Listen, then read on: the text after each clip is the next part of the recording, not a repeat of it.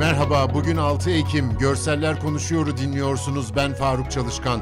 Amerika Birleşik Devletleri'nde kış yaklaşıyor ve evsiz sayısı 580 bin olarak tahmin ediliyor. Bunların 80 bini New York'ta, 65 bini de Los Angeles'ta.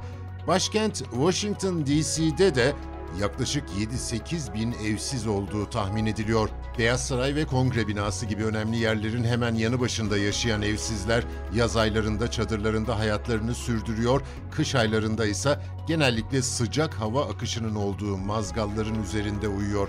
Öte yandan evsiz kişiler adeta ülkenin bir gerçeği olmuş durumda.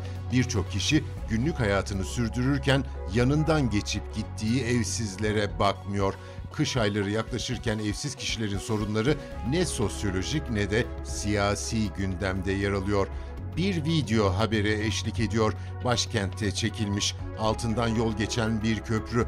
Kaldırımın üzerinde iki küçük çadır var. Hava az da olsa güneşli. İki çadırın arasında üstü açık bir yatak. Yatağın altında tahta bir platform, üzerinde çarşaflar, eski bir pantolon. Bir aslan heykeli mermerden. Heykelin kaidesi yine mermerden oturma alanı. Üzerinde yatan insanlar arka planda ABD'nin yasama organı Kongre.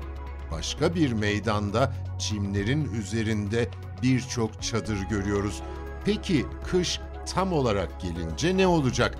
Amerika editörümüz Hakan Çopur videoda anlatıyor. Havalar soğuduğunda, kar yağdığında ya da kış aylarında gerçekten de e, evsizlerin sadece Washington'da değil ABD genelinde özellikle soğuk bölgelerdeki evsizlerin kendilerine barınacak yerler aradıklarını görmeniz mümkün. Hatta sıcak hava çıkışlarının olduğu mazgalların üstünde pek çok evsizi burada da New York'ta da Los Angeles'ta da ya da herhangi bir yerde görebilirsiniz.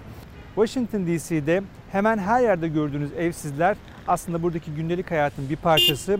İnsanlar artık evsizlere neredeyse bakmadan kenarlarından geçiyorlar.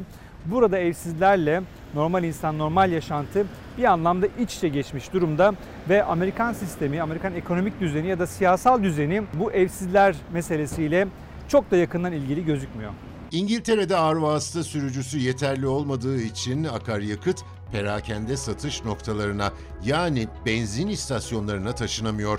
Taşınamadığı için de araç sahipleri saatlerce sıra bekledikten sonra depolarını doldurabiliyor.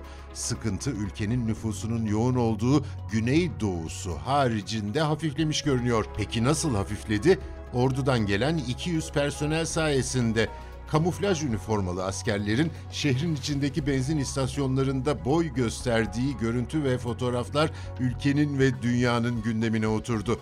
Malum her orduda ağır vasıta sürücüsü çok. Şoförlük yaparak ülkenin sıkıntısını gidermiş oldular.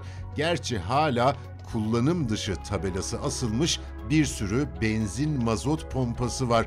Dün yayımlanan görüntü Londra'dan. Sürücüler pompanın yanına gelince aracından inip deposunu kendi dolduruyor bu ülkede ama görüntüdeki istasyonda pompalardan sadece birinde yakıt var. Diğerleri kullanım dışı.